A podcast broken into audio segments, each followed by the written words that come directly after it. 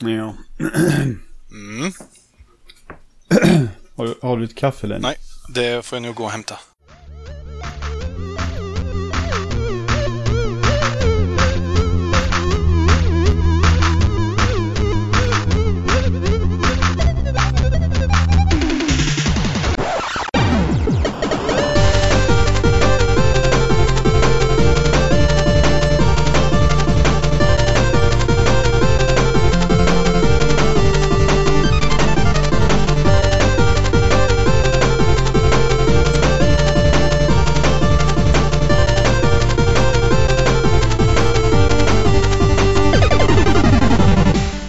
Ja, det är jag som är Gassi. Det här är Pixel, polare guiden och jag har Lenny med mig som vanligt. Ja, jag, jag sitter här. Ja. Men du, Stefan, låt höra. Vad, vad ska vi snacka om idag? För jag har inte en ringaste aning. Nej, eh, namnet på avsnittet eh, är Svårt, disketter och skräckspel. Jaha, okej. Ja, ja, men kör all- på. alltid.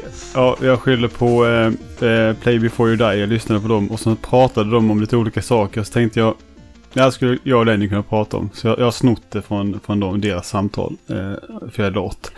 Eh, ja, Det, det är inte Jag bara så bara- att det, det kliade i inspelningstarmen för dig. Ja, det också. Så tänkte jag då, då skaffar jag någonting. Och eh, jag har ju igång, jag satte igång, jag tog fram min lilla tv och satte den så jag kan se den vid datorn. Kanske för framtida streamningsgrejer med retrogrejer. Och stängde fram min Famicom och tryckte i Super Mario USA-kassetten. Ja, sen är man lycklig resten av dagen. Den är ju rosa med, det är ju helt fantastiskt. Ja, Eh, kastat en jäkla beta på omslaget är det väl. eh, ja, precis. Jag har precis dött med Luigi här men det... Nej, katten. Okej, kom upp i knät då. Ja, hej. Ja. Eh, ja, jag vet. Svåra. Jag ska se vad jag antecknat här. Ja, det är helt och hållet du som får leda samtalet för att du skriver till mig. "Kan- du spela in podd klockan 16 idag? Ja, okej. kör vi på. Eh, ja. Jo, det det här med svåra spel. Alltså, eh, jag har ju lärt mig lite mer att gilla svåra spel på senare år. Ja, och jag tar gärna åt mig lite av det. Ja, visst, det kan du få göra. Men det är liksom det här att jag har ju alltid bara ge- gett upp. Det är så konstigt att jag har klarat så mycket Megaman-spel förr i tiden. Ja, men de är ju inte svåra. Det är det som är saken. Man får ju trä, traggla om dem om och om Ja, igen innan man... men- och, och vilken ordning. Att bara dö en eller två gånger, det, det är inte svårt eller utmanande att lära sig. Nej, men jag, jag, jag kände se, senast när jag inför, jag har, inför Sunsoft-avsnitt har jag klarat fyra av de fem spelen. För jag hade klarat det femte redan innan. Eh, när jag klarade Journey to Silius, det är ett sånt där spel som bara... Visst, man ska bara lära sig egentligen vad som ska göras. Men det är ju det är ju svårt att göra det också. Man, man måste ju vara liksom lite... Man måste ha tålamod och göra sakerna om och om igen. Och det hade jag ju aldrig gjort förr i tiden. Och just Journey to Silius har jag ju liksom spelat några gånger eh, hemma hos dig till exempel. Och så har jag liksom... Kanske, jag har inte ens klarat första banan. Och så har jag tänkt, åh, det är inte roligt alls. Vilket jävla skräp. Och jag, jag, jag, jag ser blicken framför mig nu, tittar så här lite extra argt och ihopabiten mun och så här ihopadragna läppar. Och sitter åh! Ja, Det är Stefan-ansiktet. ja. Hör du katten? Ja, nu jäklar, nu hörde jag. Men hade du inte sagt det så hade jag nog tänkt på det. Nej. Eh, ja. Nej, just här, alltså svåra spel.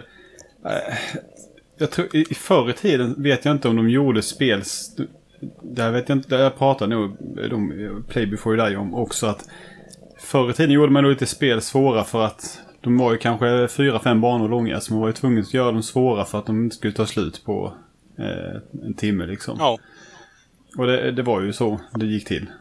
Man hade liksom inte tid att sitta och göra världens längsta spel. Och det var när man, när man var fyra, fem personer eller vad det var som gjorde spel. Ofta typ på NES och så. ja och samtidigt så gör du som katten gör nu och spinner vidare på den tråden.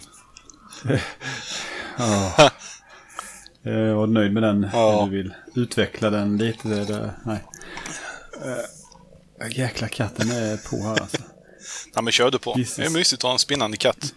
Ja, men det är svårt. Hon ska liksom vara på mina händer. Jag tänkte ju spela lite samtidigt här, men det går inte för sig. Eh, nej, så att jag har ju lärt mig. Men sen vissa spel är ju bara svåra så, jag blir, så man blir förbannad. Alltså när de... Nu för tiden så det pratas ju alltid om att de här Dark Souls och det ena och det andra. De är ju svåra. Så det, det, men det är ju kul och, och när man väl kommer in i det. Jag har aldrig ens tittat på ett spel. Jag, tror inte jag har sett något av de spelen spelas på riktigt live framför mig. Utan jag har bara sett videos och sådär. Men det är, det är ingenting som lockar. Det är inte min typ av spel. Så det är inte därför jag inte ens försöker. Men, eh, men, men jag tycker det... En sak, alltså som... Jag vet inte om jag ska ta Journey Silius som exempel igen. Men, jo, men kör på. När man, när man, när man kommer till exempel till en boss. Eller till något moment i ett spel som känns så här bara det här är ju bara trasigt. Det här är bara jävla elakt och jobbigt och, och, och man måste liksom... Det känns nästan som att man... Eh, man har tur när man klarar det. Fast egentligen hade man ju säkert inte tur. Att man, efter att ha spelat några gånger så har man lärt sig och eh, klarar av det bättre. Men man är så, alltså, just under när man spelade så tänker jag, ja nej, det här jävla skitspelet. Jag kommer aldrig mer spela det här jävla satans skitspel. Och sen så fort jag klarar momentet så är det liksom, ja, men det här är ju genialt. Det här var det bästa. Eh, vilket, vilket moment. Alltså det är liksom det här att... Att, äh, ja. Det, det, det, är så kul att höra dig beskriva det. För att jag känner, alltså hos mig när det är sånt här så bara, oh, en utmaning. Fan vad gött. Så jag blir helt glad och bara, nam, nam, nam, nam, nam, nam. Jo, men så kan det också vara ibland. Men sen när det kommer vissa grejer så känns det liksom... Det var någon boss i Journey to Silius. Jag tänker inte prata så mycket om just nu för det ska vi prata om senare. Ja. När det nu blir av. Ju De svarar inte på mina mejl, jävla japanerna. Jag fattar inte. ja, det, det är egentligen bara därför vi spelar in avsnittet. För att du ska få berätta varför det drygas ut på tiden. Ja, det, ja men det, man får ju, det var en, en, en anledning. Nej men alltså att man, det var en boss som var liksom, jag bara tänkte, ja, vad ska jag göra? Det var liksom, för jag, jag, tyckte det var omöjligt för mig att inte åka på stryk först. Så då bara, stängde jag av, jag blev så jävla förbannad. Jag vet, jag vet inte om jag kommer återgå till det här nu. Eh, igår spelade jag Little Samson till NES. Mm. Eh, och först tyckte jag att det här är ju lite, lite roligt det där. Sen så blev det så fruktansvärt elakt helt plötsligt. Och det är så mycket fiender som kommer från alla möjliga håll så vet jag inte hur jag ska hantera dem. Och så, tänk, och så blir det så här, åh! Jag hatar det här spelet. Men så vet jag att om jag, när jag spelar nästa gång så kommer jag inte tycka så. För då vet jag ungefär hur jag ska hantera situationen. Men då var det verkligen sådär, nej nu, nu stänger jag av. Nu vill jag inte aldrig mer se det här. Eh, nej, lite Samson, det var intressant. Jag hade aldrig riktigt spelat det innan. Ja, jag, har, jag har spelat det bara någon timme och sånt. Satt jag vet att, att, att någon, någon kompis för hade det hemma hos sig. Om han hade lånat det eller hade, nej, han hade nog inte det. Jag köpte alla hans spel sen och då fick jag inte det. Så han hade nog lånat det och sen satt jag och tittade på när han spelade det kanske. Men sen, jag har ju sett liksom videos kanske på det. Men jag hade tänkt liksom riktigt på hur det spelas. Jag kommer ihåg Nintendo-magasinet, eh, artikeln och allt möjligt. Men eh, ska du ligga stilla katt? Kan du ligga så? Det är bacon. Hon är helt omöjlig för att ska man klappa henne så måste hon liksom snurra runt och härja. Hon kan inte bara ligga stilla utan hon ska liksom ändra position ständigt. Ja, det är, det är som en kebabrulle eller kebabspett. Ja, precis. Rotera ska hela du... tiden. Du får... Ja, ja. Ja, ja. Uh, ja så det är, ja, det är intressant att... Uh, för jag hör så många som... Uh, jag, jag har ju... All, Okej, okay, jag har spelat ett spel på Easy någon gång. Jag, um, men jag tycker liksom inte... Jag förstår när folk säger, alltså folk får gärna spela på Easy om de vill för att de har tid och... Men, men jag känner lite att om jag hade spelat ett... Alltså jag... Samla dina tankar jag vill ändå ha utmaningen. Alltså för annars så kan jag lika bra titta på en video om jag inte själv liksom utmanas av det. Och det är ju sällan så att, att man att ett spel liksom tar tre gånger längre tid på, på normal än vad det gör på easy. Utan det är mer att man, vissa moment får man göra om ett par gånger eller tre eller tio. Men, ja. Mm så, situationer då jag kan ge upp så här svåra partier. Det är till exempel, du vet ju min, min gamla nemesis eh, Mega Man Zero. Ja. Eh, jag har ju bara slutbossen kvar egentligen. Men det jobbiga är att varje gång man ska försöka sig på slutbossen så måste man först ta och spela i, och möter alla grundbossarna först. Och sen är det en dryg så här första stadie av bossen som jag har lärt mig hur jag kan fega på och, inte, och sen inte få stryk alls. För annars förstår jag faktiskt inte hur man ska kunna slå honom. Och sen kommer andra steget där, jag... Liksom hade jag bara fått börja på det sista steget och försöka om och om igen så hade jag liksom i liksom haft orken. Men då har jag liksom redan tröttat ut mig på allting innan där. Så då blir det så, oh, nej, jag vet inte. Ja, men jag, jag håller ju med dig att det blir drygt när de gör det upplägget. Det är det helt klart. Och det gäller ju att man har tålamod. Eller när man måste liksom spela igenom en hel bana för att komma till bossen kanske. Eller något sånt. Spel där man får dör hos en boss och så har man liv kvar och då får man börja hos bossen. I vissa spel så får man ju börja på en checkpoint mitt på banan eller i början av banan. Och... Men det, det är helt okej om banan är svår som man börjar om på. Men det tråkiga är ju när banan är lätt. Om man bara springer där för att springa där. Det är ju skittråkigt. Ja. För är det svårt ja. att utmana så är det ju någonting man kan bli bättre på och eventuellt bli mindre skadad på. Men är den lätt så att man blir skadad från första början, då är det ju jättetråkigt. Jag uppskattar nästan mer de här spelen som, där, där banan är svårigheten och bossen är lätt. Och istället för att, att banan är lätt och sen kommer en svår boss. Som New Adventure Island till ja, PC Engine. Precis. Ja, som har släppts på Wii U's Virtual Console. Det måste vi tipsa alla lyssnare om. Ja, vilket suveränt spel. För när vi pratade om det i podden så var det ju bara ute på Wii's Virtual Console. Jag har ju köpt det. Det är ju glasklar eh, grafik nu när man spelar det. Mm. Game of the year every year. Ja, alltså det är så bra kontroll i det spelet så det är nästan eh, orättvist mot alla andra spel. Men där, där har vi ju ett typexempel på ett spel. Precis som du säger, med, där banan är den verkliga utmaningen och bossen är bara ett ja, komplement till det hela. Jag dog på första bossen. Jag spelade ja, men och, jag var så det, det är, självsäker. Det är ju helt okej också, för man vet ju ändå inte hur bossarna ska göra. Det tar ju ändå... Nej, det var just där attacken. Vilken attack är det? Man kan ju misslyckas för att man inte vet hur attacken kommer. Man dör ju på en smäll, så det är mm. det. Eh, men sen när man ser det så är det bara, ja, okej. Okay. Sen är det bara att ösa vapen i ansiktet på dem. Man, eh. Annars är det ju det att de har ju använt själva, alltså uppfinningsrikedomen i, i bandesignen där är ju jättetrevlig. Hur de gör banan, banorna mer och mer utmanande i stort sett. Mm. Hela tiden med de enkla medel de har. Och det känns aldrig att de slänger in alltså hundra saker samtidigt mot den heller utan det är ändå bara några få fiender hela tiden. Ja. Som läggs ut, portioneras ut. Och grejen är att nu när jag spelat Adventure Island så har jag dött väldigt mycket just för att jag har varit så här att jag vill springa igenom banorna. Ja, men, om, då, om, jag bara tar det lugnt så kommer jag ju klara detta. Men nej, jag ska ju... Ja, men he, alltså spelet uppmanar ju en till att springa igenom det. Det är ju sån härlig känsla när man tar allting, när man ser blomman och då vet man att det kommer en sån här råtta springandes bakom en och... Ja. Allt det, ja, det blir sån härlig flow i det hela. Ja. Nu, nu när jag, katten har lämnat mitt knä så ställer hon sig istället framför tvn. ja, det är ett val eller annat. Gå och lägg dig någonstans. Vad är det svåraste spelet du har spelat av Stefan? Eh, man vet inte. Jag skulle kunna gå in på min lista av avklarade spel. Helt enkelt. Du tror Så att jag... du, det ligger där på någonstans? Ja, fast så spel som... Ja, i alla fall. Det kan ju vara att du har rage-quittat för att det var för svårt.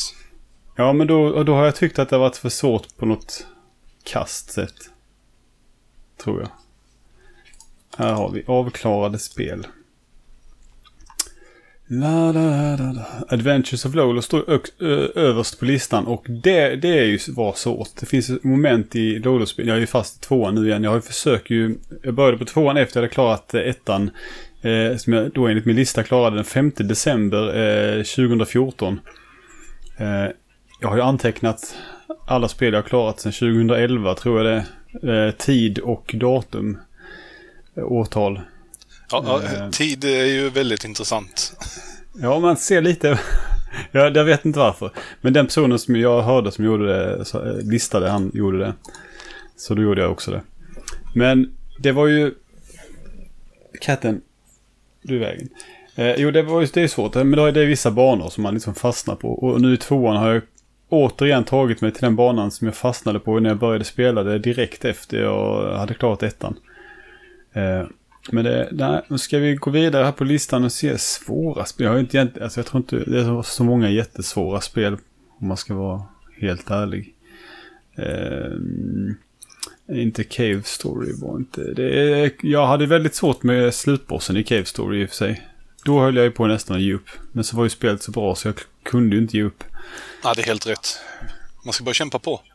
Mm, men det var, det var svårt var det på slutet. Um, jag försöker... Um, nej, det är inte mycket svåra spel här alltså. Det kan jag inte påstå. Mm. Mm. Megaman 1 till 6, 9. Jag tycker 9 är ju svårare än de sex första. Det är som är så konstigt. Uh, det... Mutant Muds. Ja, det var svårt för att jag spelade på mobilen. Men det var ju mitt eget fel.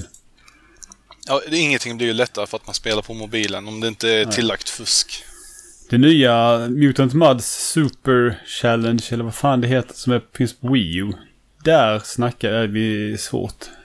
Utvecklaren han beskrev det lite som eh, Mutant Muds svar på eh, Lost Levels i Mario. Man, man ska fortsätta med det när man har klarat ettan och kan spelen. Inte ta det som ett eh, nytt spel, nybörjarversionen. Nej du Lenny, alltså det... Det är inte jättemycket svåra spel här alltså. Det, det vore att ljuga.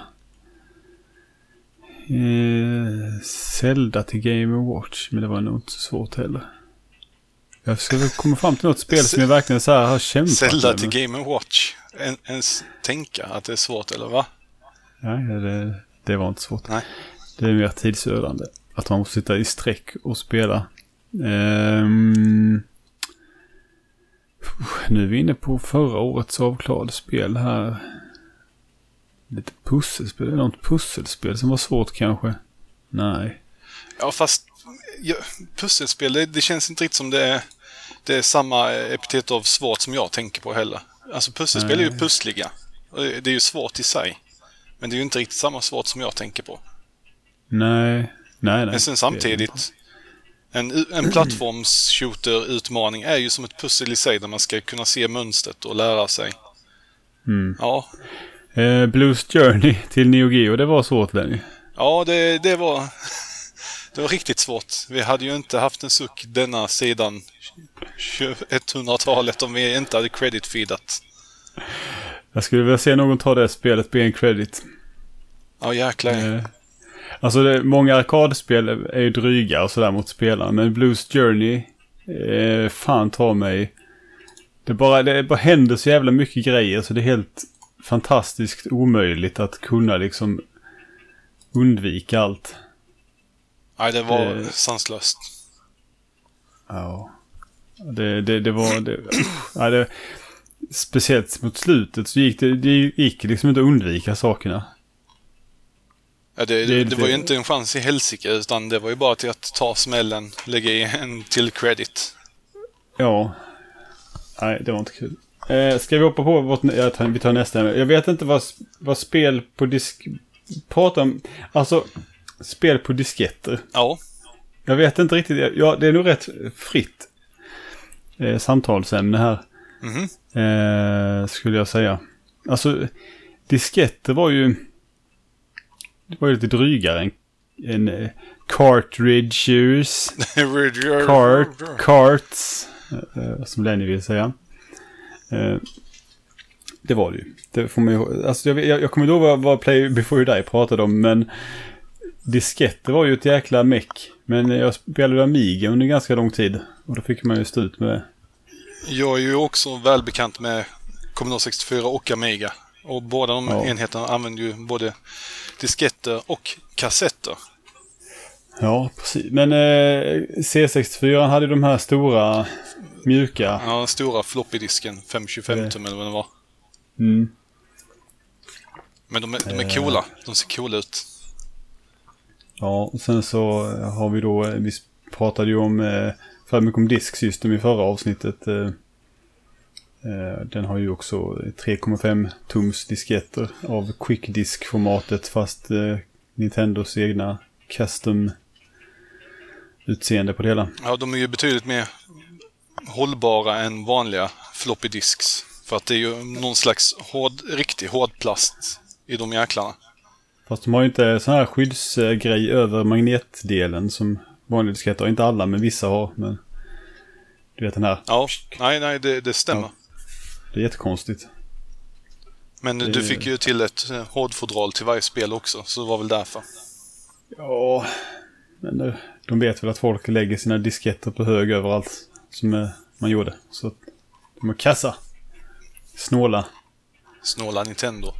Giriga Yamauchi satt där och hovade in storkovan på att inte betala de här små plastbitarna som skulle sitta. Det var där rikedomarna kom. Hans enda mål i Nej. livet. Eh, på Amiga var det ju drygt för att när man skulle spela sådana här spel som Monkey Island och sådär som Åh. hade 12-13 disketter. Ja, fy. Fy! Visst, jag hade en, en extra drive så jag kunde ha två disketter i samtidigt. Så ibland så om man pendlade mellan två områden så hade man de två disketterna i. Men det var drygt när man också var tvungen att ha en tredje och så kanske du råkade gå in på ett område. Sen kom du in där så kom du på efter att det hade laddats, Som du också fick göra innan. Och så, och så nej, jag skulle ha någonting där borta. Och så fick du gå tillbaka och sen skulle du byta diskett. Skulle ladda. Och sen hämtar du grejen lite snabbt och sen gå tillbaka, byta diskett, ladda. Jävla håller på. Ja, jag, är rätt, jag är rätt glad att vi kommit ifrån den biten faktiskt. Jag kan tolerera Ja. laddningstider, men att hålla på och byta disketter hela tiden, det är fan det drygaste som finns med hemdatorscenen. Ja. Eh, men det var inte jättemånga spel som hade sådär. Vissa hade ju två disketter kanske. Men det var ju vanligare med en eller två än, än, än det var med 10 plus. Ja, ja absolut. Det, Det var ju äventyrsspelen, peka-klicka-spelen som hade massa. jag kommer ihåg Monkey Island 1 och 2 hade ju jättemånga disketter. Men hu- hur många hade Simon the Sorcerer till exempel? Ja, det hade med ganska många faktiskt. Jag, jag måste googla lite snabbt. Jag tror det hade 12, 12, 10, 12. Något sånt. Spelade ju det. Jag min kusin, min kusin hade Simon the Sorcerer han köpt. Sen så, det som var bra var ju att man inte behövde köpa några spel. Till Amiga. eh, ehm, för att ehm, det fanns överallt. Så man kunde bara kopiera. Jag vet inte om jag förstod mig på att det var olagligt att piratkopiera på den tiden, men... Nej, det, det förstod inte jag heller. Vet, ett av mina, mina argument till min kära mor för att vi skulle köpa en Amiga var ju att eh, få spel gratis. Det är ett suveränt var- argument. Behöver bara köpa disketter. Och det... Ja, nej, jag köpte Så inte ett enda spel. Jag vet inte ens vad det fanns att köpa i mina trakter. Jag, tror aldrig jag såg ett Amiga-spel i en affär. Så Jag, jag, kan, jag kan informera om att Simon the Sorcerer låg på nio disketter. bara nio, okej. Mm. Ja, ja. Det var, det var lite illa av dem. Kunde ju haft några till. Ja, man tycker det. Nej, men så att... Eh, nej, jag vet inte riktigt varför. Jag inte köpte några. Jag köpte några av en, en person efter den storhetstiden. Jag sålde ju de flesta till en kille och sen har väl du några av dem också. Eh, och du har Migan. Jag köpte ju... Nu ska vi se här.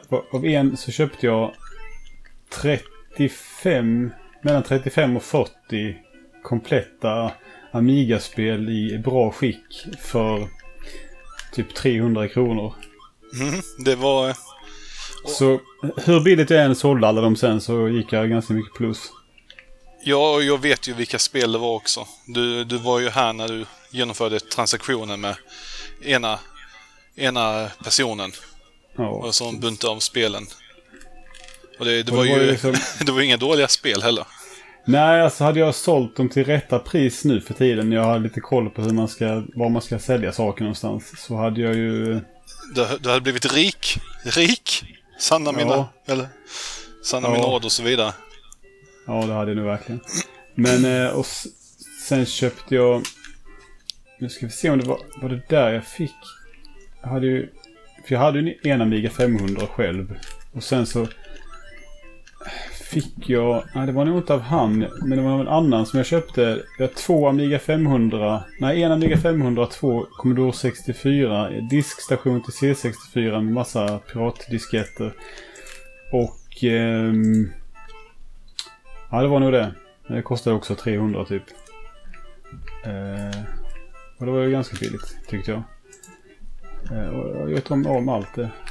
Till slut visste jag inte vilka sladdar som man skulle koppla ihop grejerna med. Så jag, jag, jag har ju en stor del av det. Du har ju sålt hur mycket Amiga-skit som helst till mig. Eller inte Amiga-skit, men Amiga-prylar. Ja. Undrar om jag tänkte att om Lenny har det så kan jag ändå använda det någon gång. Ja, antagligen. Utan att ha det hemma. Precis som att du dumpar av ett exemplar av James Bond 3 här och som vägrar ta tillbaks det. Jävla svinerier. Ja, men eh, du har ju inte James Bond 3 tänkte jag. Jo, men det har jag ju. Det är det som är saken. Jag har det fan. Och det vet om också, ni jävel. Nej, det visste jag inte faktiskt. Har du komplett? Ja. Och det är ännu värre. Ja. Och så ska du trycka dit ett till X till mig. Vad fan. Du ska ha bonus, du ska ha liv här. Ja, har du hittat eh, takten ännu man ska trycka i? Nej. Nu fick jag, nu fick jag en sån Körsbär. körsbär. Ja, precis. Får man alltid extra liv. Det bara tack och ta emot. Ja, men det, det jag kunde göra med takten innan var ju att jag tryckte, att, att jag fick fram tre Shy Guys varje gång. Ja, ja. Du kan ju ha eh, karaktärsvälja musiken i bakgrunden. Mm, den, är, den är så hurtig och kitschig och Trevlig. trallvänlig. Nej, jag vet inte vad vi skulle prata om disketter. Det var tidigt i veckan jag lyssnade på detta och kom på det. Men sen så fick jag stå och anteckna medan jag jobbade och då blev det inte så... Eh, Men jag, jag hade ju alltid en eller två sådana här disketter som man kunde ha med sig i plugget och spela och... För att det fanns ett spel som fick plats på en diskett och som var roliga. På antingen PC eller Amiga. På PCn så hade jag ju alltid med mig en diskett med Prince of Persia till exempel. Som man bara kunde ploppa i den och spela när som helst. Det var ju underbart. eh, på, det fanns ett virus som oftast upptäcktes när man eh, sökte virus på en Amiga-diskett. Vet du vilket jag pratar om den? Mm, nej. Det hette Saddam. Ja, nu, nu växte till liv igen, minnen här. Saddam var det absolut eh, eh, Men- vanligaste. Jag har kollat upp lite. Det- var ju ett virus som bara tog upp minne. Det var så. Ja, eh, Men tog upp minne all- på disketten eller på Amigan? På disketten tror jag. Jag tror den... Vi ska se här vad... Nu har jag googlat upp här. Saddam virus. Eh, Amiga. eh, kända kloner 1, 2, 3, 4. Affe, Animal, Gral. Hardex, Iran, Kick, Lame. Ja, och så vidare. Eh, extremely dangerous står det på. Eh, danger level. Mhm. The virus has a total length of eh, 1848 bytes. The virus is resistant by using cold capture. The virus is fully encrypted. The virus deliberately destroys user data. Så var det. Det var det då. Den, den gjorde ju att ens disketter blev... Alltså man hade sparat... en- en- Ofta fick man ha en diskett som man sparade på. Och det var ju den som gick åt helvete man fick Saddam-virus. och Den började förstöra data och Ja. data och... Eh, ja, ja, det är lite sånt. Eh, det, kanske inte tog upp data då, men den förstörde data. Och den var ju... Eh, ja, just det. Ska vi se här. A disk validator virus is a special virus type of... Ja, just det. Den, ofta blir ju disketten att de blir disk eh, not valid. Den här röda... Eh, det är svart bakgrund och så kommer text, röd text med en röd ram runt som blinkade. Att de inte var valida längre. Mm, det var för att den hade varit där och förstört. Så ofta när man skulle rensa sina, alla sina, man fick gå igenom alla sina hundratals disketter ibland. Och virus kolla dem. Som tog timmar. Det Det behövde drygt. göras. Och det var just Saddam. Man hittade aldrig något annat virus. Hittade du många gånger på dina disketter då? Ja, Saddam. Varje gång man gick igenom disketterna så var det några disketter som hade det. Nu kom det en katt flygande så jag var på att riva ner hela Famicom och grejer. Vad gör du? Det var ju... Eh, jag hade ju aldrig så jättemycket disketter till Commodore 64. Eller till Amigan. Så jag, jag vet jag kanske bara hade hundratalet. Det... Ja. Ja. Jag hade ju problem med min Amiga för det var någonting med eh, så här, kontrollchippet för datormus som hade gått sönder eller något sånt. Som gjorde att jag kunde få den här svarta med röda blinkar. Ja, den har ju ett särskilt namn. Eh, vad fasen är den skärmen heter? Jag vet inte. Ja, den har ju något, eh, något speciellt namn i varje fall. Men eh, det gjorde i varje fall att jag fick såna här skärmar på mina Mega lite då och då. Och eh, vissa spel var mer utsatta för det. Jag kommer inte ihåg hur många gånger jag satt och försökte spela igenom Heimdall 1 och 2 med de här krascherna. Och så drygt det var. Heimdall. Heimdall var märkliga spel som jag inte riktigt förstod mig på. Men de var jättefin grafik. Jag älskar dem. Eh, Gamla Core.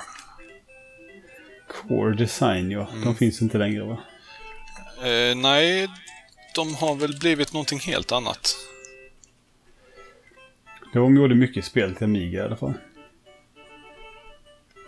Och sen... Eh, ja, jag, jag är tvungen till att ta och kolla här. Vi vet ju alla vad, vad de utvecklas till så småningom i varje fall. Det var ju Tomb Raider, hela kittet, men ändå. Men sen Ja, just det. därefter. Just Det är det som är intressant. Jag har för mig att... Ja. Eh, nu ska vi se här.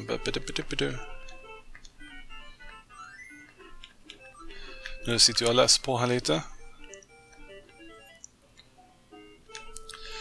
Jaha, ja, efter att en massa nyckelfigurer hade slutat eh, efter något Tomb Raider-spel så eh, meddelar Eidos att Rebellion Developments har tagit över deras eh, assets och staff. Inklusive IP-na. Jaha. Så ja, Mm. de, de, de bara blev Rebellion Developments helt plötsligt. Så de bara la ner, eller de gjorde om dem till Rebellion. Ja. Det var ju efter eh, några av huvudfigurerna slutade. Så, Ja. då, så det var ju därför. Kunde de göra vad de ville. Jo, så där har vi det. Där har vi det. Ja. Ja. Core gjorde väl en hel del spel till Amigan. Mm, tycker du kan kolla upp vilka de faktiskt gjorde. Ja, Spel i urval, det är ju en hel lista här ju. Men vi har ju det här klassiska peka-klicka-äventyret som jag älskar, Universe. Mm, jag har aldrig... Jag vet vad det är för någonting, men jag har nog aldrig spelat det så mycket. Jag kommer Eh. inte vad jag kommer ihåg. Wonderdog, Soulstar, Rick Dangerous. Jag måste kolla på Universe ut först. Det är jättefint. Fighting Force, eh, BC Racers, Battle Corps, Banshee, Asterix. Ja, Universe var ett av de här spelen jag fick i det där 30-40 paket eh, Ja, ja. spel. Helt komplett med alla tillhörande artbilder och allt vad fan det var. Men jag spelade aldrig det. Nej, det var... Jag var inte alls intresserad på den tiden heller av Amiga när du sålde det. Eller inte intresserad, det är väl kanske inte rätt ord att använda, men jag var inte inne på det just då. Det var inte mitt huvudområde eftersom jag går ju i vågor i mitt samlande. Så koncentrerar man på en sak i taget. Det enda var du lite. Nej, jag tror att eh, den personen hade ju kul med spelen. Han var ju också Amiga-fan så. I och för sig. Men jag var ju... jag snappade ju åt mig Shadow of the Beast 3. Mm. Sen brydde jag mig inte mer. Som jag hade två exemplar av.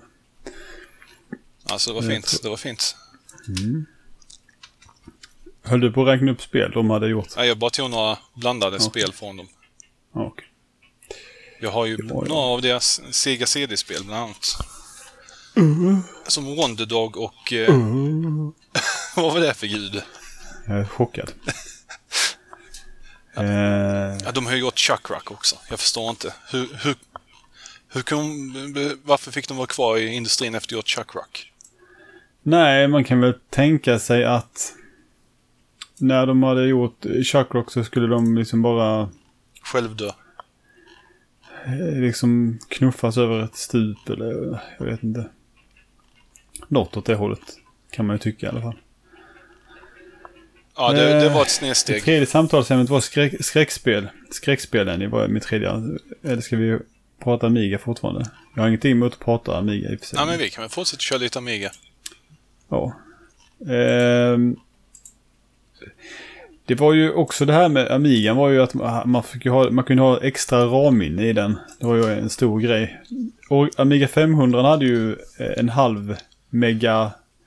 Byte. Bit, byte. Fan att jag aldrig kan, hur som helst.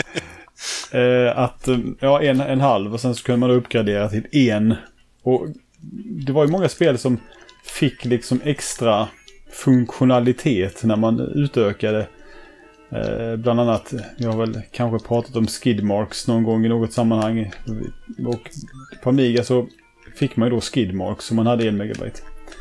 Alltså det blev liksom Ja, det, Sli, slirspår i, i marken när man... Det är det bästa med det spelet. Och det suger så fruktansvärt att Mega Drive-versionen inte har de här sladdspåren. Nej, men Mega Drive-versionen är ju snyggare rent grafiskt jag för mig. Jag tittade på bilder på det spelet. Ja, det, det måste vara. Plus att du har ju... Det är ju ett av de här Codemaster-spelen som du har ju två inbyggda portar i, eh, i kassetten. Så att man kan spela för player på enkelt sätt ja, utan multitapp. Just det. J-card eh, som det kallas för. Eh, och fan, det skulle komma till någonting här ju. Med. Någon bra poäng, tack. Eh, eh, var, ja, The Settlers spelade vi en hel del också. Fy! Det var inte, jag, jag, grejen var att vi spelade. Och vi spelade i tvåspelarläget. Och men vi, jag tror aldrig vi riktigt fattade vad... Alltså min kusin hade det original och allting. Men jag tror fan ta mig aldrig vi läste i manualen vad man faktiskt skulle göra. Och, alltså hur saker fungerade. Utan vi bara...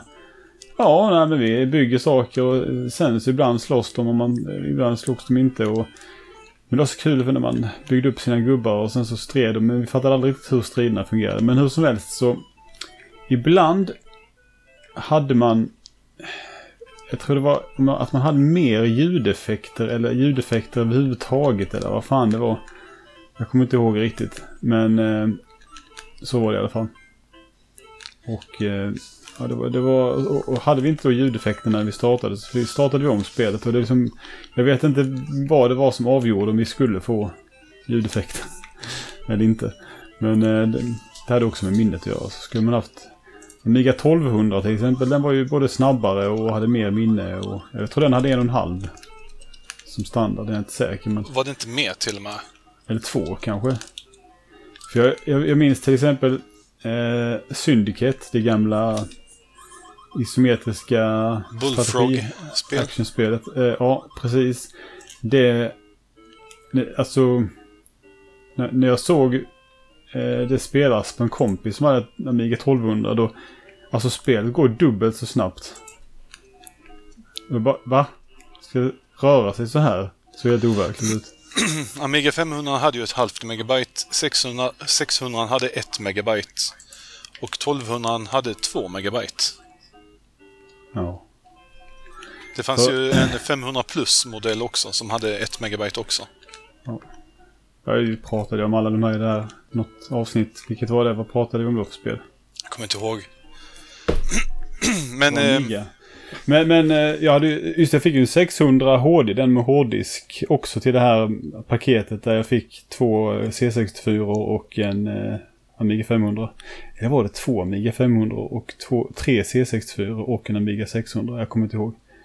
Eh, något sånt. Men eh, ja. Ja, 1200 den. Men det, jag spelade aldrig mycket på 1200 alls faktiskt. Ja, jag hade ju aldrig, jag hade en kamrat som hade men eh, han hade inte alls många spel, så det var inte mycket man kunde spela hos honom. Nej, jag hade en kompis som hade... Han hade ju Amiga 500. Det var nog med honom jag skaffade de flesta piratspelen. Han hade ju någon sån här kontakt. Eh, som man bara...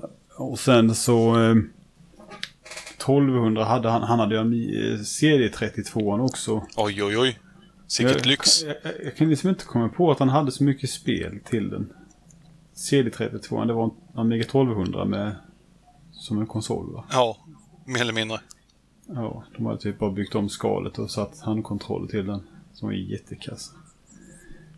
Ehm, ja, nej, Amiga. Ehm. Jag, jag har för mig att om man använde den här extra diskettstationen som man kunde koppla in, eller man kunde koppla in flera, men om man ja. använde en sån så drog den automatiskt minne från enheten som gjorde att man förlorade vissa av de här effekterna man hade om man hade mer. minne. Ja, Så- det kan du komma på nu. Det kan ju vara en sån här grej med Zetlus med att man stängde av den. Och Skidmarks med för den delen.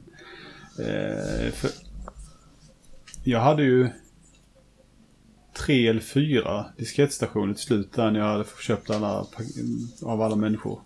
Mm. De har ju säkert du nu. Ja, Eh, så där kan du spela spel med många disketter. ligger i en låda på vinden. Jag var tvungen att testa liksom, och bara ställa dem på varandra sådär snyggt. Och sen parallellkoppla dem. Och... Mm. Ja, just det. Det kunde man göra. Eh, ja. Nej. Jag tycker vi går vidare till, till skräckspel. Skräck. Det, det, det, det jag ville prata om här är ju att jag blir livrädd av skräckspel och du tycker det är bara, ja, nej men det är ju trams. Eh, Nej, jag tycker inte det är trams, men jag har ju inte lätt för att bli rädd, vilket gör att det blir ju tråkigt för mig med sådana spel. För att, ja, jag får ju inte den känslan som man ska ha. hade du velat kunna bli rädd på det viset som jag blir? Ja, det här hade ju varit skitkul ju. För, det, för att även om jag, jag knappt kan spela vissa skräckspel. Så är det liksom att, att ett spel kan göra mig så rädd. Det är ju jättekul på ett sätt. Man, man blir liksom så här. Jag är alltid sån här. Nej men eh, det, det är väl inte så farligt. Jag ska bara. Jag ska sätta mig och spela här nu. Nu ska jag spela lite. Som senast jag spelade något skräck. Det var ju den här Resident Evil 7. Eh, prolog-grejen, tech-demo-grejen. PT-wannabeen. Ja, eh, jag har inte spelat PT, men det hade jag nog inte klarat av. Eh, jag klarade knappt av den här Resident Evil-grejen. Och jag ser fram emot Resident Evil också, även om jag inte är säker på om jag någonsin kommer att ta mig igenom det. Um, första persons skräck är nog det jag har svårast för. Alltså, jag, inte, jag tror inte jag är så rädd för andra skräckspel. Visst, jag, Resident Evil 4 är ju mer action, men där var jag livrädd också. Och så spelade jag på Easy för att jag fick slut på ammunitionen. Annars tänkte jag. jag Jag fick ju panik där med för att de var på mig. Men eh, i första person där, där jag har försökt, jag kom ju en bra bit in i Amnesia. Men sen, eh, sen var ju spelet trasigt. Skyller vi på. Eh, jag kom ju till det här om, omtalade vattenpartiet. Eh, Jag har ingen aning vad det är för något jag har. Nej, det är alltid folk har pratat om ett vattenparti. Jag vet inte om jag ska spoila det, men det, jo, det, det gör jag. Nu spoilar jag vad som händer i Amnesia, bara för det. För att jag ska förklara vad som, varför spelet... Ja, ja. Man kommer till ett parti där det är liksom vatten, vatten på golvet kan man säga. Vi säger att det är liksom en 2-3 decimeter vatten eller mer. Och så tänker man, jaha, okej. Och i det här spelet så har man med sig en lykta hela tiden så man ser någonting så det är ljust. För är man i mörker så blir man till slut galen och dör. Ungefär. Eh, Fortsätt. så jag, försöker, jag tyckte Oscar, men skit i det. Eh, och så... Och så har jag alla, alla, alltid, har jag alltid hört att det är något eh, läskigt där då. Och så visar det sig att när man går eller, i, vattnet så kommer det en osynlig fiende springandes mot en. Så man ser bara liksom stegen i vattnet där plaskar och då får man hoppa upp på en låda sen är man liksom säker. Även om det här monstret då tydligen skulle kunna rent tekniskt stå bredvid en. Eh, i alla fall, så jag letade runt där och man fick liksom kasta böcker i vattnet för att den skulle liksom... ehm, Gå åt andra hållet. ja, och sådana där grejer. Och sen till slut så kom jag in i ett rum. Och sen började min eh, sån här lampolja sina. Jag hittade ingen ny. Och den tog slut. Och det var helt mörkt. Och jag tänkte, ja, Nu var det kört. nu var det kört. Och sen slut dog jag då för att jag sprang i vattnet och försökte hitta någonstans ändå. Sen sparade någon, eller började någon då om i det här området, alltså sparpunkten i början. Men min olja är slut. Ja, det var ju snällt. Ja, min närmaste sparpunkt kanske var en halvtimme. Kanske min spar, jag hade sparat ordentligt. 20-30 minuter innan den här delen. Och jag tänkte fan inte spela om alltihopa en gång till.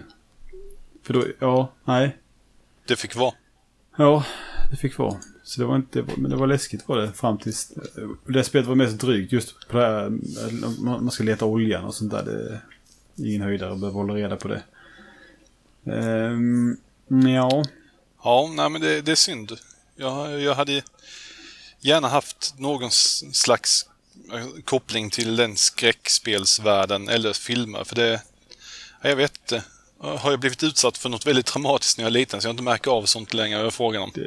Det, skulle, det skulle funnits någon, något piller du kunde ta för att koppla av någon del. Så att det liksom... Koppla bort logiken. Bara blupp, bort, så.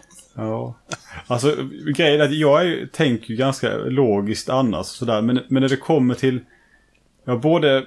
Inte så mycket skräckfilm. I skräck, skräckfilmssammanhang så är det mer när det är spöken i... Det är inte så här typ eh, bara någon mördare som går runt. Det är inte så farligt. Men när, när man inte vet vad det är. Och då har jag, så jag, jag, får, jag har ju li, får så livlig fantasi och så lever jag mig in i situationen. Jag tror inte på spöken för ett öre men när jag är... När jag föreställer mig att en person är i eh, en sån situation där det finns spöken. Då, blir, då, ja, då lever jag mig in i det. Och när jag då är i ett spel där jag själv måste titta hela tiden och gå framåt och handla. Då, det, det, det, det slutar ju ofta med att jag står stilla och bara nej. Nej. jag vågar inte. Ta inte ett steg till. Nu tänker jag inte gå vidare. Ett av de bästa spelen jag har spelat är ändå eh, Fear och Fear 2. Tvåan framförallt tror jag. Men för de är, det är inte bara sånt där Där blandar de det med, med action, med häftig typ bullet time och sådär. Så man, eh, man, man blir nöjd liksom att man, oh, nu kommer den, man får liksom det här, ett lugn emellan där man inte behöver tänka på skräckdelar. Utan man eh, kan skjuta lite och ha kul. Och sen, helt, och sen helt plötsligt så går man in genom en dörr och sen ser man en lång korridor och så bara, nej. Jag vet, jag vet vad som händer. Nu, här är en tom jävla korridor. Jag, det kommer börja blinka och eh, hålla på. Nu blundar jag, håller inne W på tangentbordet, håller inne vänster musknapp och sen springer vi. och eh, ja, men vi kan väl ta lite, alltså just från Fear, det var ju någon gång. Eh, man gick in något litet, var det som en lobby utanför hiss, ett hiss, hisslobby. Man kom, där man kom upp med hissar så fanns det liksom en liten så här liten bås kan man säga. Och där gick jag in då för att hämta lite grejer. Sen när jag precis står där inne och tar grejerna, man har alltid såklart ryggen emot. Där man kommer ifrån när man ska ha placerat grejerna så man ska stå med ryggen emot. Och så började det blinka lite och sen plötsligt slocknade det nej! Nej, nej, nej, nej. Och så tittar jag ut genom glasfönstret på den här ytan och då står hon den här Alma. Al, Alma. Alma. Eh, som är liksom eh, spelets eh, skurk. Eller ja, antagonist i alla fall. Den här lilla flickan med svart hår som bara, så bara står hon där helt stilla framför hissarna typ.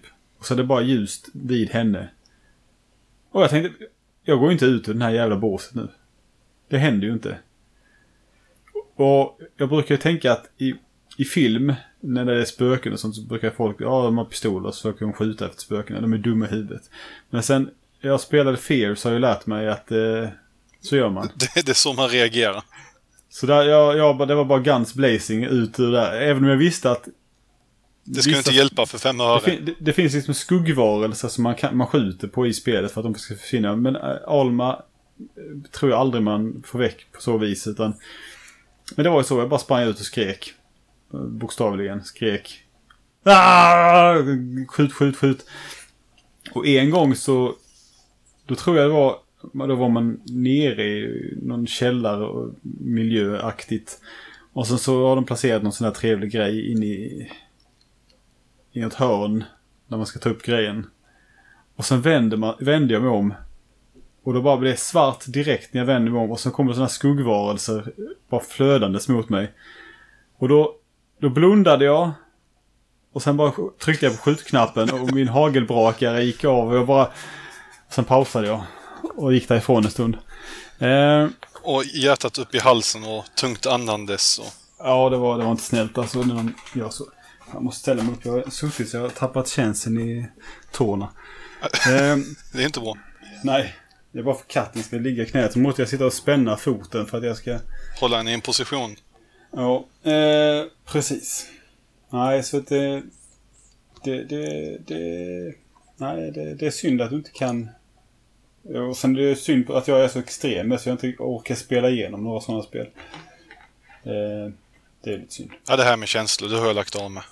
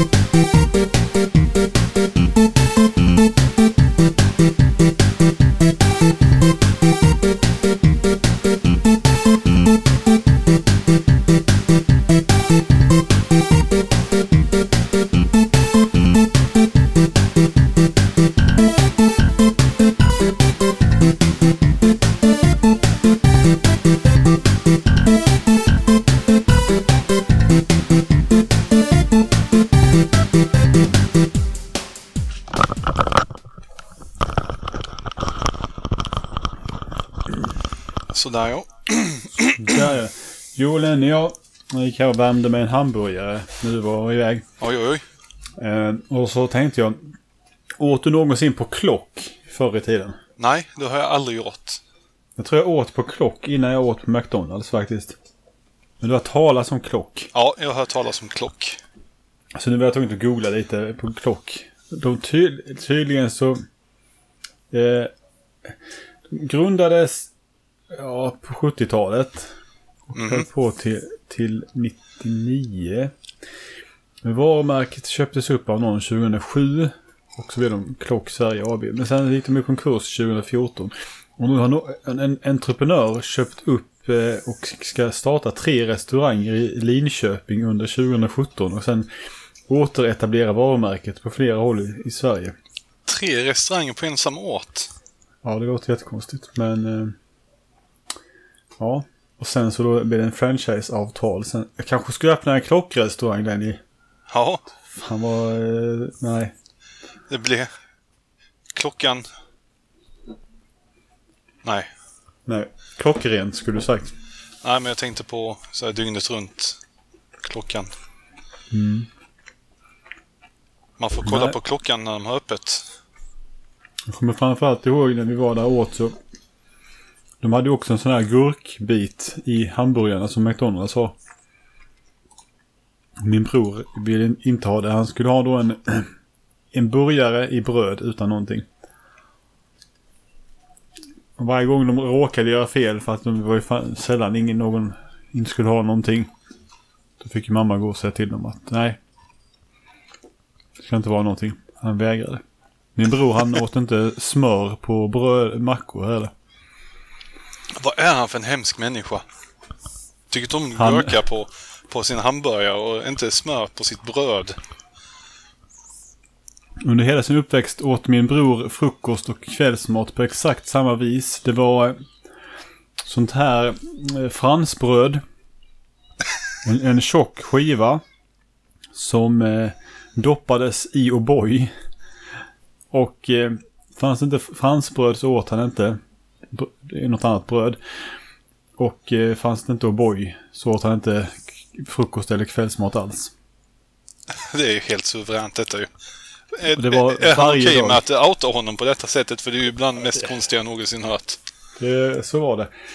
Ehm, och smör tror jag han åt första gången på en macka när han var kanske... Jag kommer ihåg att vi var på kalas hemma hos en kompis och så bredde de en macka åt honom och mer eller mindre tvingade honom att han skulle äta den här mackan. Och det var nog första gången. Och då kan han ha varit ja, i alla fall fem, sex. Men han hade, nej. Han hade, jag- jag- som sagt, han fick inte, nej det var väldigt... Jag tror han är mer varierad i maten. Jag var inte så varierad i maten förr, men han var extrem. Och det här med smör, och nej det gick inte. Alltså ärligt talat så är Alltså- det väl inte så jättevarierad i mat idag heller om jag känner jag Ja, rätt. men jag, jag kan ju äta det mesta. Det var Ja, det. det, kan du. Jag är liksom, jag gnäller aldrig så här, "Åh, det är för lite salt eller sånt där som folk kan göra. Det förstår, det förstår jag mig inte på riktigt. Jag bara, va? Det smakar mat. Eh, nej, han var väldigt eh, specifik med sånt där. Eh, pålägg vet jag inte när han åt första gången. Det var nog i vuxen ålder. Nu tror jag han äter med, med smör och pålägg och sådär. Men eh, den där första mackan med smör, då var det bara smör. Eh, Nutella kunde han också ha. Dock det var det han kunde ha på en macka. Ja, givetvis. Eh, Fra, fransbröd. Eh, så att, eh, nej. Mm, intressant. Eh, vi skulle ju avsluta med att prata lite om No Man's Sky tänkte vi väl, Lenny. Eller du får prata. Ja, ja. Nej, vi ska prata om det tillsammans. Så, eh, så mycket som jag har spelat spelet, hade du spelat spelet innan jag ens köpte spelet? Eh, jag har väl lagt en 12 timmar kanske på det. Och du är uppe i 3 miljoner 300. Ja, Jag tror jag är över 50. 40 timmar. Mm. Precis. Och det, det, jag fick ju tag i mitt ex på torsdagen förra veckan. Ja. Jag köpte det på lördag. Ja, efter, jag hade teasat dig och sagt Åh, vad är det här för något? Och titta på det där. Ja, vi satt i samma jäkla party på PS4 och den jag satt oh, titta, oh, jag satt och bara... Oh, jag vill bara se de här jävla sakerna. Och så bestämde jag mig för att jag skulle köpa det på fredagen. Så först var jag på väg att köpa det digitalt. Så kom jag på att nej, jag kan, det är ett första personspel. Då kan jag ha det i min samling. Då måste jag ha det fysiskt. Så fick jag vänta till dagen efter. Ja, den, den väntan. Den väntan. Nej, men... Ja. Tror du att många människor är besvikna med, med spelet? Ja, det tror jag. Det är ju en väldig vattenklyvare nu när man fått, fått tag i spelet. Det, det, känns ju som att antingen så älskar man eller så hatar man det i stort sett. Det här mellantinget existerar knappt när det gäller detta spelet. Jag vet inte riktigt vad folk eh, förväntade sig riktigt. Jag vet inte riktigt vad folk ogillar med spelet. Det är lite så här, ja, det, det, det spelet jag spelar det är ju ungefär det jag har fått uppfattning av från utvecklarna när de har berättat om spelet och visat spelet. Jag tyckte till och med det var mer än vad jag hade förväntat mig. Alltså visst, den här första trailern när man ser de dinosaurieliknande djuren gå på en planet. Ja, visst, jag har ju inte hittat några sådana djur ännu. Men jag har ju inte varit på särskilt många planeter eller system ännu i spelet. Nej. Och det är en grej alltså att vissa... I, I deras trailers och sånt så såg ju alltid djuren ut lite som djur här på, på jorden. Lite, alltså någon form av var liksom estetiskt fina. Men allt man stöter på är ju monster av något slag. Ja, men det är ju det som är så jäkla härligt med spelet. Du hittar ju sådana freaky djur så att det finns inte och det, det är ju bäst. Jag sitter ju och garvar ihjäl mig. Jo. Det första riktigt så här aggressiva djuret jag stötte på, det var en, en, en liten varelse. Alltså jag, den såg så hemsk ut. D där hade vi skräckspelsupplevelse. Jag liksom bara backade och bara nej, nej, nej, nej, nej, jag måste skjuta den. Och sen skjuter man inte så jävla bra i det spelet heller. Och så var den snabb och sprang runt fötterna på mig och höll på. Jag, jag kan inte ens förklara. Alltså, det var liksom som en, som en klump med långa spindelben.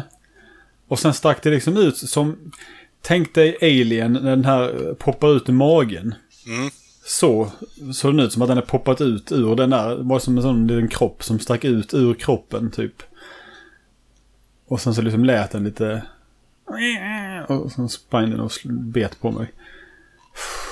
Jävla mardrömsvarelse. Eh, ja, jag, jag har hittat några suveräna kombinationer. Jag hittar ju någon slags så här, grismänniska.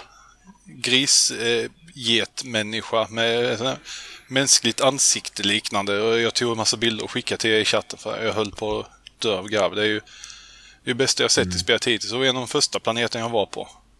Sprang omkring så så jävla nöjda ut.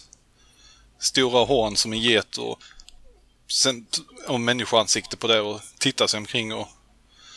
Aj, ja. Och sen lyckan när jag insåg att man kunde mata dem så blev de glada och skriker en massa.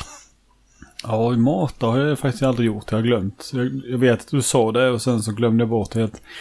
På, på Metacritic har ju spelet 7, 71 i någon form av eh, medel.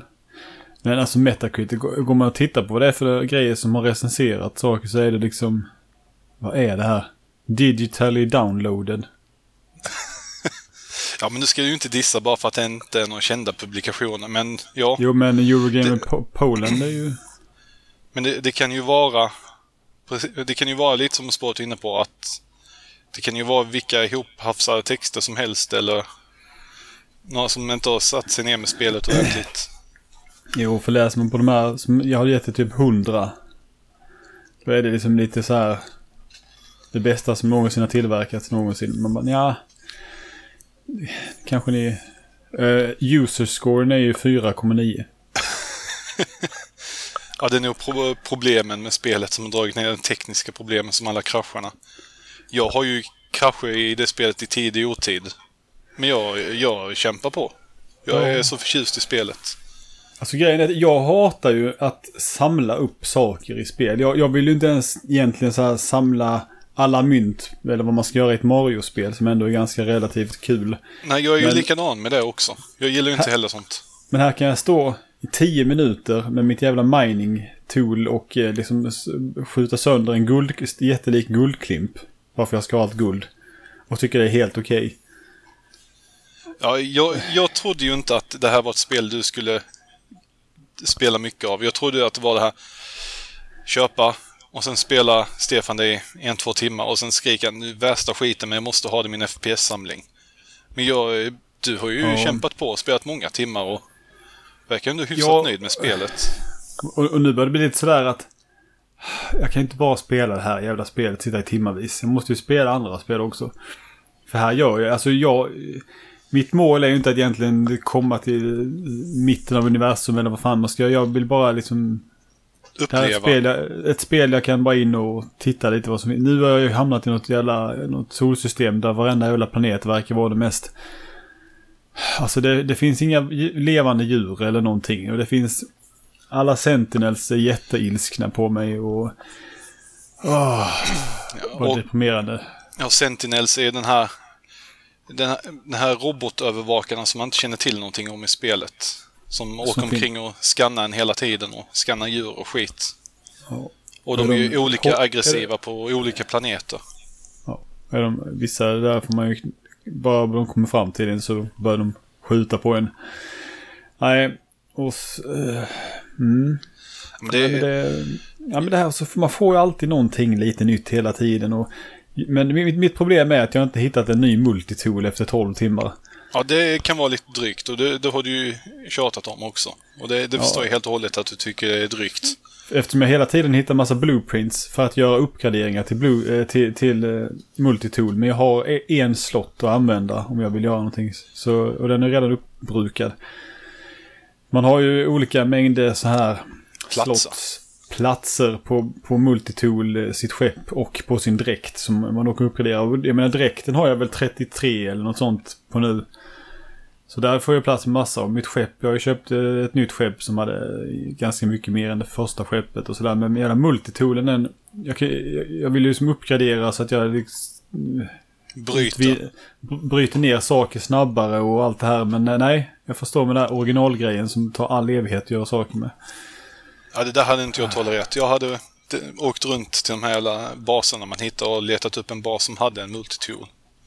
Ja, det är det som jag har gjort nu när jag, senaste gången jag spelat. Bara koncentrerat mig på att hitta outpost. Men jag vet inte riktigt heller om det är outposts just som är... Det finns ju andra typer av... Eh, jag kanske skulle googla.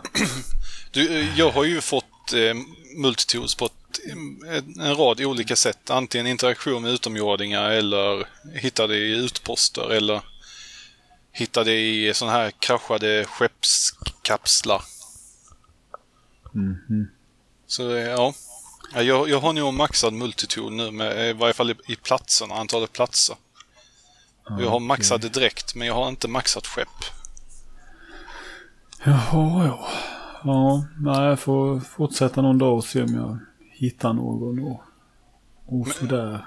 Men det, det är så fint spelet när man bara åker, hoppar ut i rymden. Ja, och sen finns den här jätteroliga buggen också när man ska lyfta från planetens yta och sen slungas man ut i rymden. Och skickas Ja. iväg så in i helsike långt. Det är en jätterolig bugg. Det är jättekonstigt. Man blir lika chockad varje gång också. Ja, man bara ska landa från eh, ytan och sen åka vidare längs, alltså längs marken på planeten. Så helt plötsligt bara sl- skickas man ut i rymden som man satt fast i en jättelik slangbälla eller något. Ja, Ser det bara verkligen- poff! Och hur snabbt som helst också. Alltså, det visar också att alltså jag brukar tycka att, tänka att eh, den här lite slöa övergången när man flyger, ska ner på en planet är någon form av laddningstid. Men det här visar ju att det inte riktigt är så. Nej, nej, för att man är ju verkligen direkt ute i rymden. Ja, Så det... sant. Ja, men, eh, ibland så har man tur så ska man ju upp i rymden när man råkar ut för det. Och då är det bara till att tacka, ta emot. Slipper man Ja. ta de här 50 sekunderna och ta på sig för att ta sig ut i ta det- rymden. Jag kanske skulle ta det som ett tecken ibland att jag skulle... Ja, jag har ju, jag har ju tagit väldigt, väldigt lugnt i spelet. Gått väldigt, väldigt sakta framåt och dragit ihop en massa saker och utrustat mig med bättre och bättre saker. I Ja. mångt och mycket och varje system som jag stannar till på har ju ho- hoppat in på alla planeterna och tittat och kollat vad som finns tillgängligt och letat Ju- lite knowledge stones och...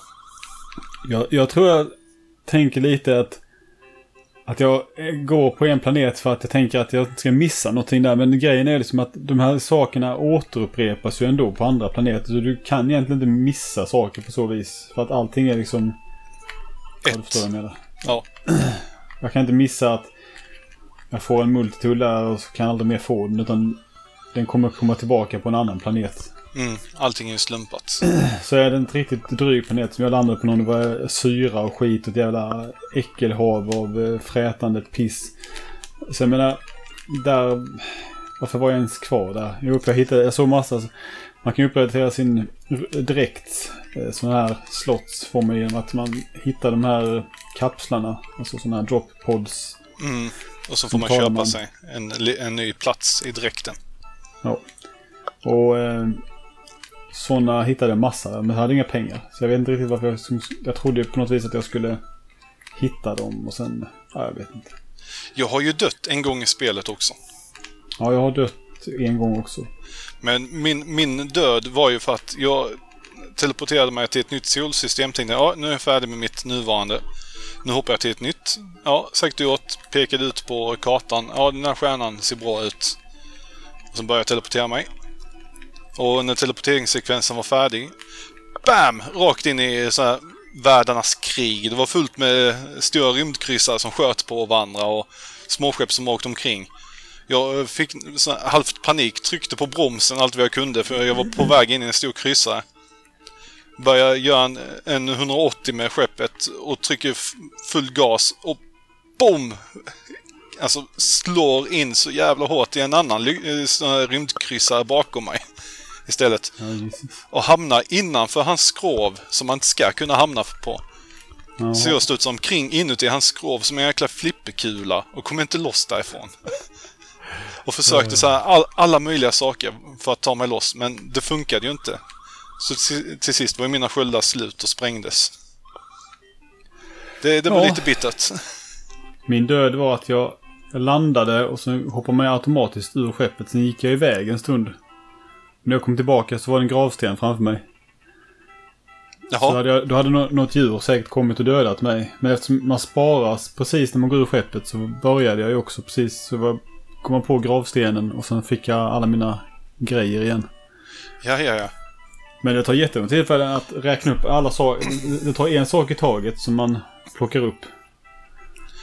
Ja, det, Nu jag den här mineralen. Nu har du lite guld här och lite zink och lite... Jag bara, ja, jo, men jag har ju... Det var en minut sedan det kändes som. spelet har ju en del alltså pacing problems rent allmänt. Med att är saker och ting tar, tar lite längre tid än vad det behöver. Som varje gång du ska snacka med en utomjording så ska den ju panorera med kameran till en viss position och sen ska han göra något ljud ifrån sig. Och så kommer det upp en beskrivande text på situationen. Och sen kommer eh, utomjordingens text som man eh, kanske inte förstår. Det beror på hur många knowledge stones och ord och sånt man har snackat sig till för att lära sig utomjordingens språk. Och sen Precis. dröjer det en liten stund och sen har du dina val att göra. Och så här är det ju e- egentligen i alla situationer som kräver någon interaktion från dig som inte gäller att bryta mineraler. Ja. Det, Alltså, det är lite synd. det, det är det. Alltså, man till exempel, man hittar ju lite sådana här... Vad heter de? Monju... Nej, de här... Ruins. Ru, nej, inte... Ja, Ruins och... eh, Ja, de heter lite olika de där. Men i alla fall så... Vissa, då... Eller inte vissa, men du, ska, du, du går på den och sen ska du precis som med utomjordingar panorera till en märklig kameravinkel som inte är den du kommer och ställer dig ifrån. Och sen så ska det först komma upp någon liten text och sen ska det dröja det lite extra lång tid. Sen kommer den, den här texten som sägs som du kan basera någon form av eh, vad du ska göra efteråt. Liksom. Alltså det tar... Och när man ska spara i sådana här små baser som finns så är det också att det ska liksom zooma ut i någon, eller gå ut i någon viss vinkel och sen... Ja, jag fattar inte varför det ska vara så... För när du sparar, det är inte så att det, den här... Alltså att det tar tid att spara så att den gör Nej, för- under tiden. För att jag sparade en gång till så bara spara det direkt. Ja. Och Det är liksom, jag fattar liksom inte hur de har tänkt. Fattar de inte att visst man står ut med det en gång. Men två gånger bara. Sen säger det bara, men vad fan. Man, man liksom, att spara innebär att man också får liksom en... Man upptäcker en plats på planeten så kan, och där kan man få pengar för så det vill man ju ha. Men man vill ju inte behöva göra det här jäkla... De här små sekunderna som det tar. Man, jag blir så irriterad. Där kom det. Nu kommer Åh. det.